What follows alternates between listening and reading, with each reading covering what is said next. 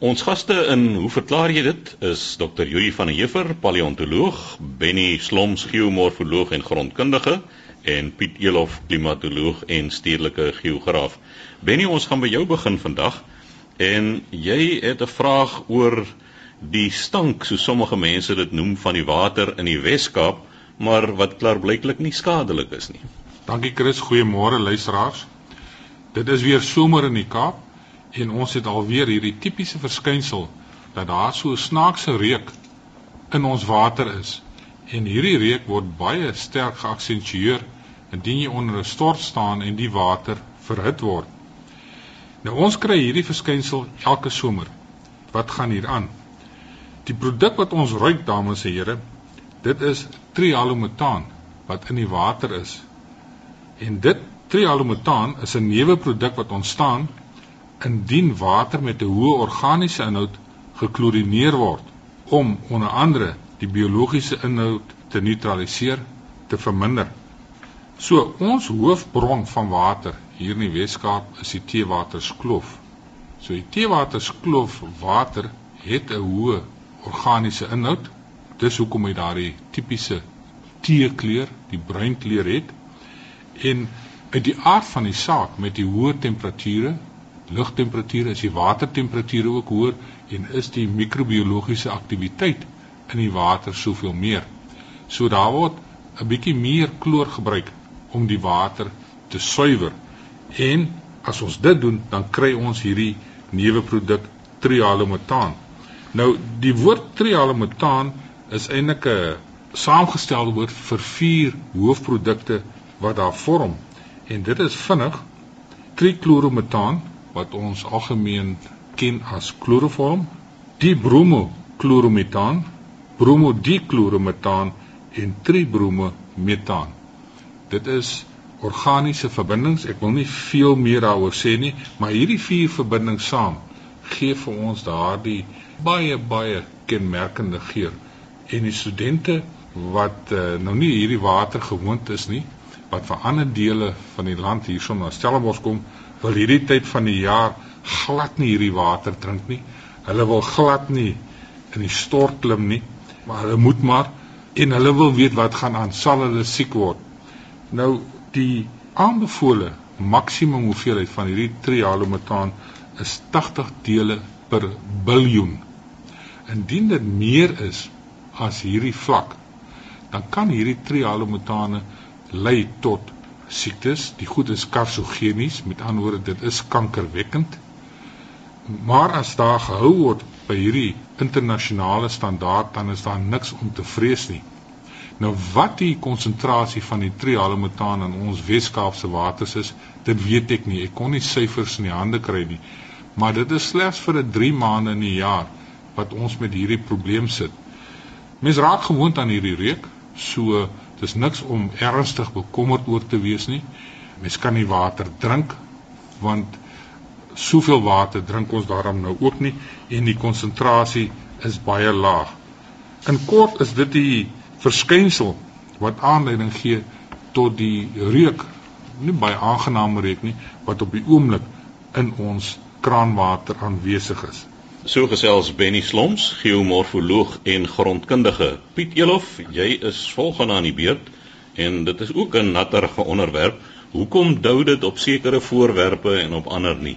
Chris ja, Dani Botha van Bloemfontein het vir my 'n briefie geskryf en hy vra Hoekom is dit so dat as dit dou in die aand dit op uh, gras sal dou en op motorvoertuie maar nie op sementpaadjies of op baksteenpaadjies nie en hy sê verder dat hy die rugby op maande aan 'n dop hou, die sogenaamde varsity cup rugby. En hy sien dat die gras nat dou, nat word en dat die bal glad is, maar die paviljoene die is waarskynlik droog. Nou dan ek moet vir jou sê ek kyk ook na die varsity cup op maande en onlangs het ek na 'n wedstryd gekyk tussen Pikke en en Maties. Nou die Pikke was redelik boelig geweest en hulle die Maties redelik te mekaar gespeel in die begin tot so 'n mate dat Pikke se kaptein met sy pink broekie omdat hy die man van die wedstryd was by vorige geleentheid oop doellyn voor hom gehad het en neers 'n teenstander om hom te duik en toe laat val uit die bal. Vermoedelik het die bal dan glad geraak van dou. Ek moet sê die maties het ook 'n hele paar keer die balle laat val maar ek is nie heeltemal oortuig dat dit iets te doen het met die dou of die natheid van die bal nie. Ek dink iets anders in hulle hande. Hulle moet maar self ryk daaraan om bepaal wat hulle in hulle hande gehad het dat die balle so uit hulle hande uitspat. Nou dan die, die dou is natuurlik gekondenseerde waterdamp op 'n voorwerp wat genoeg hitte uitgestraal het om die voorwerp se temperatuur in die lug rondom daai voorwerp se temperatuur so laag te laat daal dat dit onder doupend temperatuur is. Nou doupend temperatuur luisteraars is die temperatuur waarna toe lug afgekoel moet word om versadigingspunt te bereik. In die natuur vorm natuurlik dou of mis of wolke of selfs ryp as die temperatuur daal tot let wel benede doupend temperatuur. Dit volg dan dat hierdie temperatuur gouer bereik sal word as die lug vogtig is. Met ander woorde Doupend temperatuur is bo vriespunt in relatiewe vogtige lug. As die lug egter baie droog is, soos wat ons dikwels in die binneland in die winter ervaar, dan is hierdie doupend temperatuur onder vriespunt. En dan verander die waterdamp direk in 'n vaste stof. En ons kry ryp. En ons luisteraars mooi weer gaan kyk na ryp. Ons dink ons het al voorheen daaroor gesels. Dan wil sien dat dit 'n kristal struktuur Om die doupunt temperatuur te bepaal, maak ons natuurlik gebruik van 'n sigrometer, ook genoem 'n natbol of droëbol termometer, waar ons dan die verskil tussen die natbol en droëbol termometer kry, bereken en van 'n tabel af die relatiewe vogtigheid van die lug kan van aflees net so word die doupunt temperatuur ook van 'n ander tabel afgelees nadat ons die droë natbol temperature vasgestel het. Nou terug by Dani se vraag omdat verskillende voorwerpe hitte teen verskillende tempos uitstraal met ander woorde afkoel sal daar op sommige voorwerpe dou vorm maar op ander nie. 'n voertuig wat uit metaal grootliks uit metaal uit bestaan koel natuurlik vinnig af en kan dan nat gedou wees kort na sononder terwyl die bakstene of die sementvoorwerpe stadiger afkoel en miskien glad nie eers deur die loop van die nag so ver afkoel dat die lug daar bokant of wat in aanraking is daarmee versadigingspunt bereik nie. Met ander woorde dit sal nie nat dou op die sement of op die bakstene nie. Gras dan aan die ander kant die transpireer ook. Met ander woorde daar word vog afgegee en die lug bokant die gras of in die omgewing van die gras het dan 'n hoër humiditeit. En die doupunt temperatuur word baie gouer bereik en die gras dou dan nat en natuurlik veroorsaak daai nat bal by Waser te kap. Dan is daar miskien nog die gedagte dat hierdie dou wat ons dan nou so sien of oor praat, die mag dalk in humide gebiede nie van veel betekenis wees nie.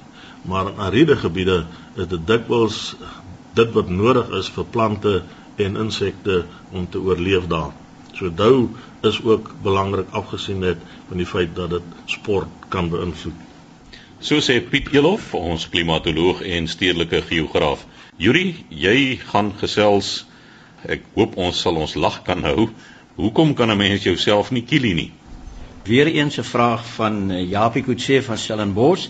Hy het eintlik twee vrae in een brief gevra waarvan ons die eerste een hoekom 'n mens gaap probeer verklaar het en nou kom die vraag in die beurt hoekom kan 'n mens jouself nie kill nie en ek moet net weer luisteraars daar herinner dat Japie Kutse sê hy is die leksikograaf van Stellenbosch en nie Japie Kutse die opvoedkundige nie.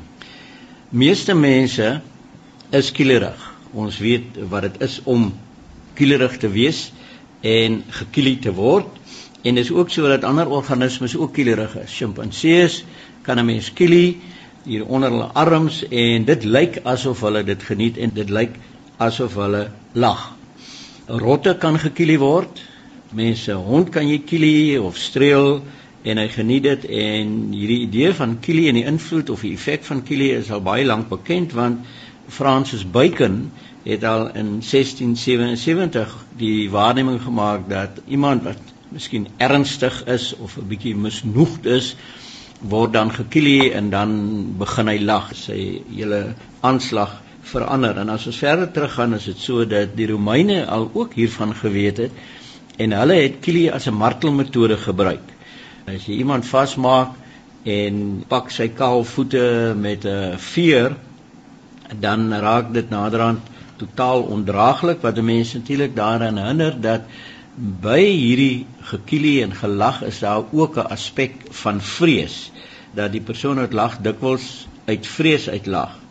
Nou soos met enige iets in die biologie het uh, Charles Darwin ook al opgemerk dat kielie baie belangrik is tussen mense om 'n soort van 'n sosiale of 'n seksuele band te vorm of te versterk. En wat hy wel opgemerk het is dat die persoon wat kielie moet bekend wees aan die persoon wat gekielie word. Jy kan nie sommer enige iemand gaan kielie nie. En uh ook moet daar 'n element van onvoorspelbaarheid teenwoordig wees. Nou ons ervaar die sensasies wat ons uh, liggame aan onderwerp word eintlik deur ons breine. Ons hou daarvan om sê ons sien met ons oë, ons hoor met ons ore is eintlik nie waar nie. Dit is net reseptore. Die brein is verantwoordelik vir die interpretasie en die reaksie op enige van hierdie ervarings. En dit lyk vir my die neuroloog wat nou hieraan al gewerk het, het nog nie 'n finale antwoord oor kilie nie. Hoekom mens jouself nie kan kilie nie, maar daar sekerre aanduidings.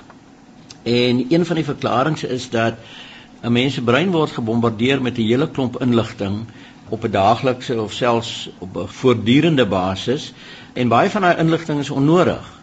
So as iemand nou byvoorbeeld na ons luister by die braaivuur, kom ons neem nou maar pizza metafoor daar en die luister na wat nou oor die radio gesê word, is so 'n persoon bewus van allerlei goed wat rondom hom aangaan, die voëls in die bome, die buurman se hond wat blaf en die goed, maar dis nie geluide wat bydra tot hierdie gesprek nie. Met ander woorde die die brein het die vermoë om daai goed af te skerm. Die onbelangrike goed wat nie op die oomblik gerig is nie, die word afgeskerm. Jy's bewus daarvan, maar dis nie die primêre interaksie wat die brein het nie en gevolglik word die aandag van die persoon toegewy aan wat nou en hier gebeur. En uh, daar word gesê dat uh, dit is eintlik 'n beveiligingsmeganisme want as jy nou daar buite in die natuur is, en jy sien die pragtige bome en die voëls wat sing en daar hardloop wildsbokke rond, kan 'n skerpioen naby jou of 'n spinnekop wat in jou been opklim gevaarliker vir jou wees. So daai sensoriese waarneming van hier's nou 'n spinnekop op my skouer is dan baie belangrik. Dit kielie my en die brein moet nou daarop reageer. Nou wat doen 'n mens? Die neuroloog sê die brein skep 'n model van wat om hom aangaan sodat As jy nou op jou skouer getik word onverwags deur 'n persoon van agteraf, dan het jy daai sensoriese ervaring en jy ruk jouself om of jy spring weg, maar daar is 'n klein tydsverloop. Alhoewel die boodskappe in jou senuweestelsel baie vinnig reis, is daar tog 'n klein tydsverloop voordat die brein reageer of die spiere reageer deur die brein. So wat neuroloog sê is dat in daai fraksie van 'n sekonde skep die brein wat hulle noem 'n voorwaartse model. Hy antisipeer, hy sê hy antisipeer wat gaan gebeur en daar word 'n model geskep van hierdie ervaring en dan vergelyk hy met wat gebeur met die model.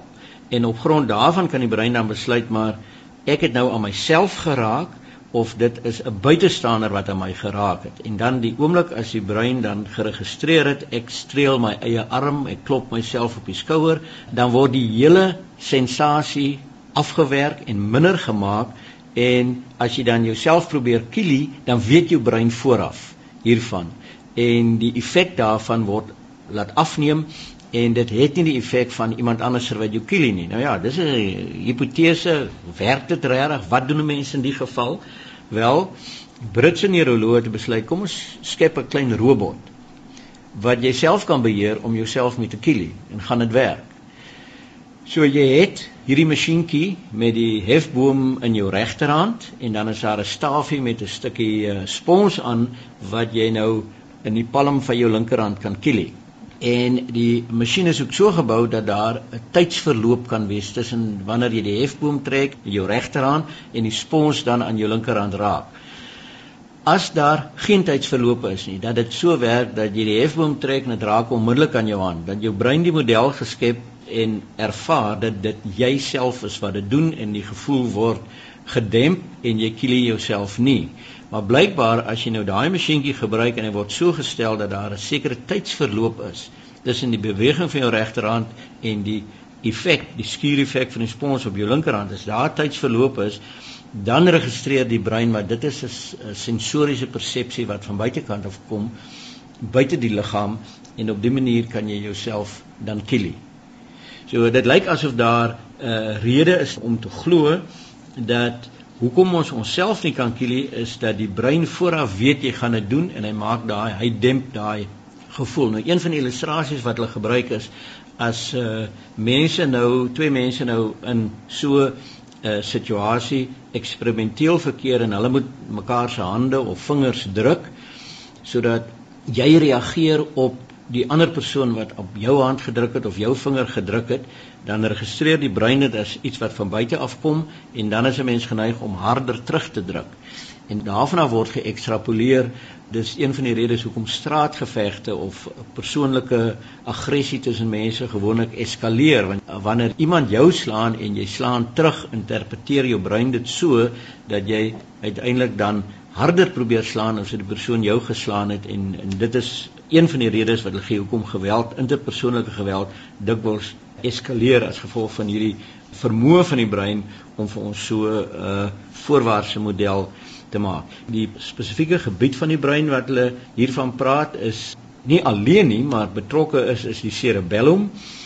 Nou ons weet ons breine as jy so om so van die kant af kyk, lyk dit soos 'n sampioen met 'n stingel, die sogenaamde breinstam en wat jy basies van buite af sien is die cerebrum, die skors waar al ons idees en liedjies en innoverende gedagtes vandaan kom en dan heel agter onder die brein sit die cerebellum, soos 'n ou klein bolletjie agter aan die kop.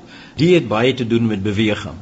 En eh, van hierdie reaksie sê die neuroloog vir ons kom uit die cerebellum uit. So die reaksie op kili is eintlik wat hulle betref die liggaam of die brein se vermoë om ons te beskerm teen onverwagte of gevaarlike insekte en diere wat ons kan aanval en daarom is dit nodig om ons eie bewegings en ons eie persepsies van onsself 'n bietjie te demp sodat ons kan reageer op hierdie onverwagte, miskien gevaarlike situasies en sommige neuroloë sê dan die kliegevoel is dan miskien net 'n neuwe effek daarvan.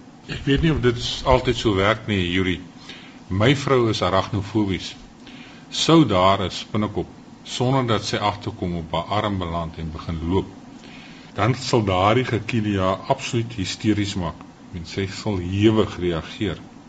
Sou sy egter 'n spinnekop in 'n houer vat, ek dink sy sal dit doen nie, maar op haar arm sit, sal sy steeds totaal hysteries raak en uh sy sal dit glad nie kan hanteer nie. So ek dink 'n vrees kan maak dat jy altyd dieselfde sal reageer of jou brein daarvan weet of nie. So die spinnekop wat jy nie van geweet het nie, waar jy op jou begin loop, gee 'n sekere reaksie, maar indien jy 'n vrees soos 'n fobie het oor iets, dan reageer die brein nog steeds ontsettend hewig. Al weet die brein wat gaan kom. Goed, dit is totaal iets anders as skielie wat eintlik 'n lekker sensasie is, maar ek vermoed dat die brein sekere goed onder alle omstandighede baie heftig op sal reageer. Ek sal graag vir jou verskil daar op hierdie punt is dat uh, daai soort fobies is aangeleerde goed.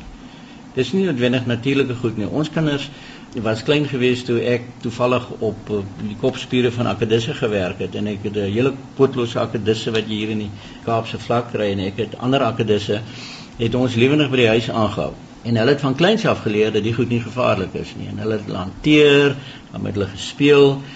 Die oomblik toe hulle skool toe gaan in Tableview waar jy baie van hierdie pootlose akedisse kry, het van die groter seuns dadelik gesê dis slange en hulle daai vrees ontwikkel sodat hulle niks met potosakedisse wou te doen gehad het. So ek dink 'n mens moet hier onderskei tussen 'n natuurlike refleks en 'n aangeleerde reaksie op sekere goed want baie spinnekoppe is natuurlik skadeloos en daar word gesê spinnekoppe is gevaarlik. Ons het nou giftige spinnekoppe hier in Stellenbosch en nie giftige spinnekoppe nie en uh, hulle word deur die bank afgewys. So ek dink dit het ook te doen met aangeleerde fobies en reflekse.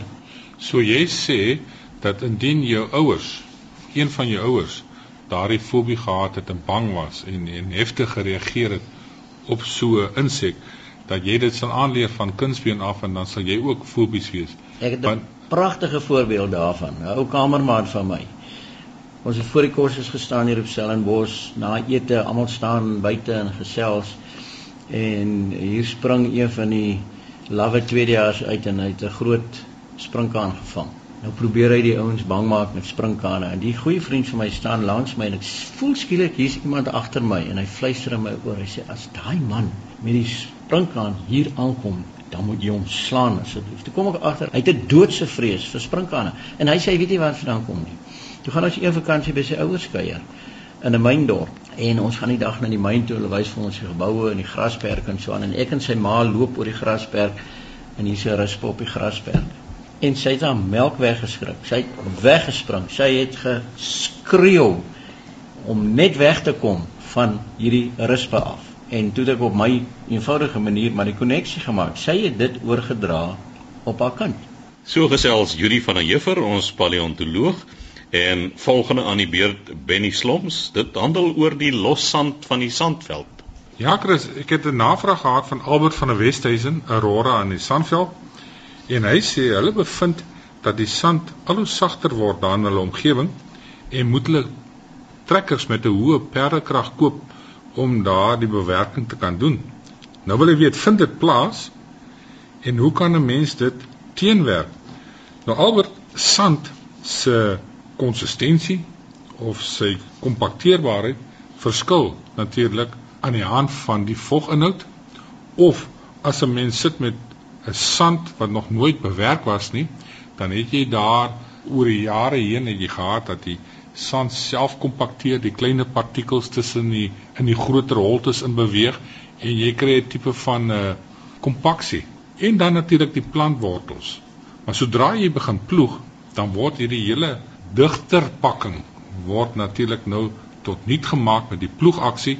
Dat jy sit met groter lugvolumes en is die sand losser. Dis hoekom op 'n geploegde land wat uit sand bestaan, 'n mens baie moeiliker loop, baie moeiliker beweeg met 'n voertuig as op 'n sand wat normaalweg op sy eie tot 'n mate gekompakteer het. En ons weet almal dat 'n droë sand baie losser is as 'n nat sand, sand wat vog het. Daar sit ons met die water wat rondom die oppervlakte van die sandkorrel sit, daardie meniskusse bind die korrels aan mekaar en is daar 'n redelike sterk kohesie tussen hierdie sandkorrels. Maar Albert sê ook aan die einde van sy vraag hier, hulle doen swaar bewerking op hulle lande. Nou ek weet nie wat hierdie swaar bewerking behels nie. Ek vermoed dit is groter implemente wat hierdie trekkers gesleep word. En natuurlik hoe groter en hoe dieper jy bewerk, hoe meer perdekrag het jy om daardie aksie uit te voer. Ek sal bitter graag by Albert wil hoor wat is sy ervaring tussen die wintermaande wanneer dit reën en die somermaande. Uit die aard van die saak sal die trekkers baie moeiliker in die somermaande vasstrap kan kry en die bewerking kan doen as gedurende die wintermaande wanneer daardie grond klam is.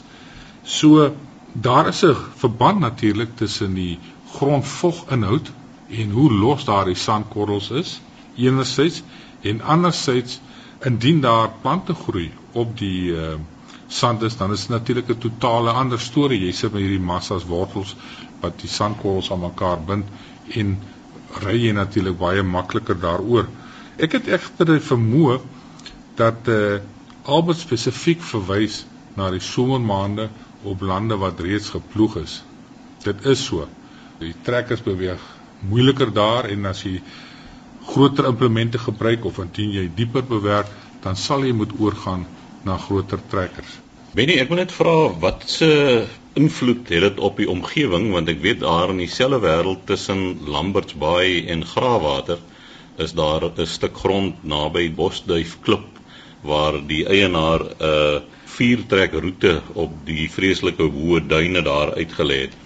En nou het ek al gehoor daar is omgewingsbewustes wat sê maar deur met viertrekvoertuie daar te speel, verhoed jy dat plante groei daar gaan vestig en daai stuk duine grond gaan net al groter en groter word.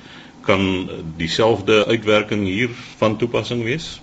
Kyk, die bewaarders natuurlik is primêr bekommerd oor die vernietiging van die plante groei.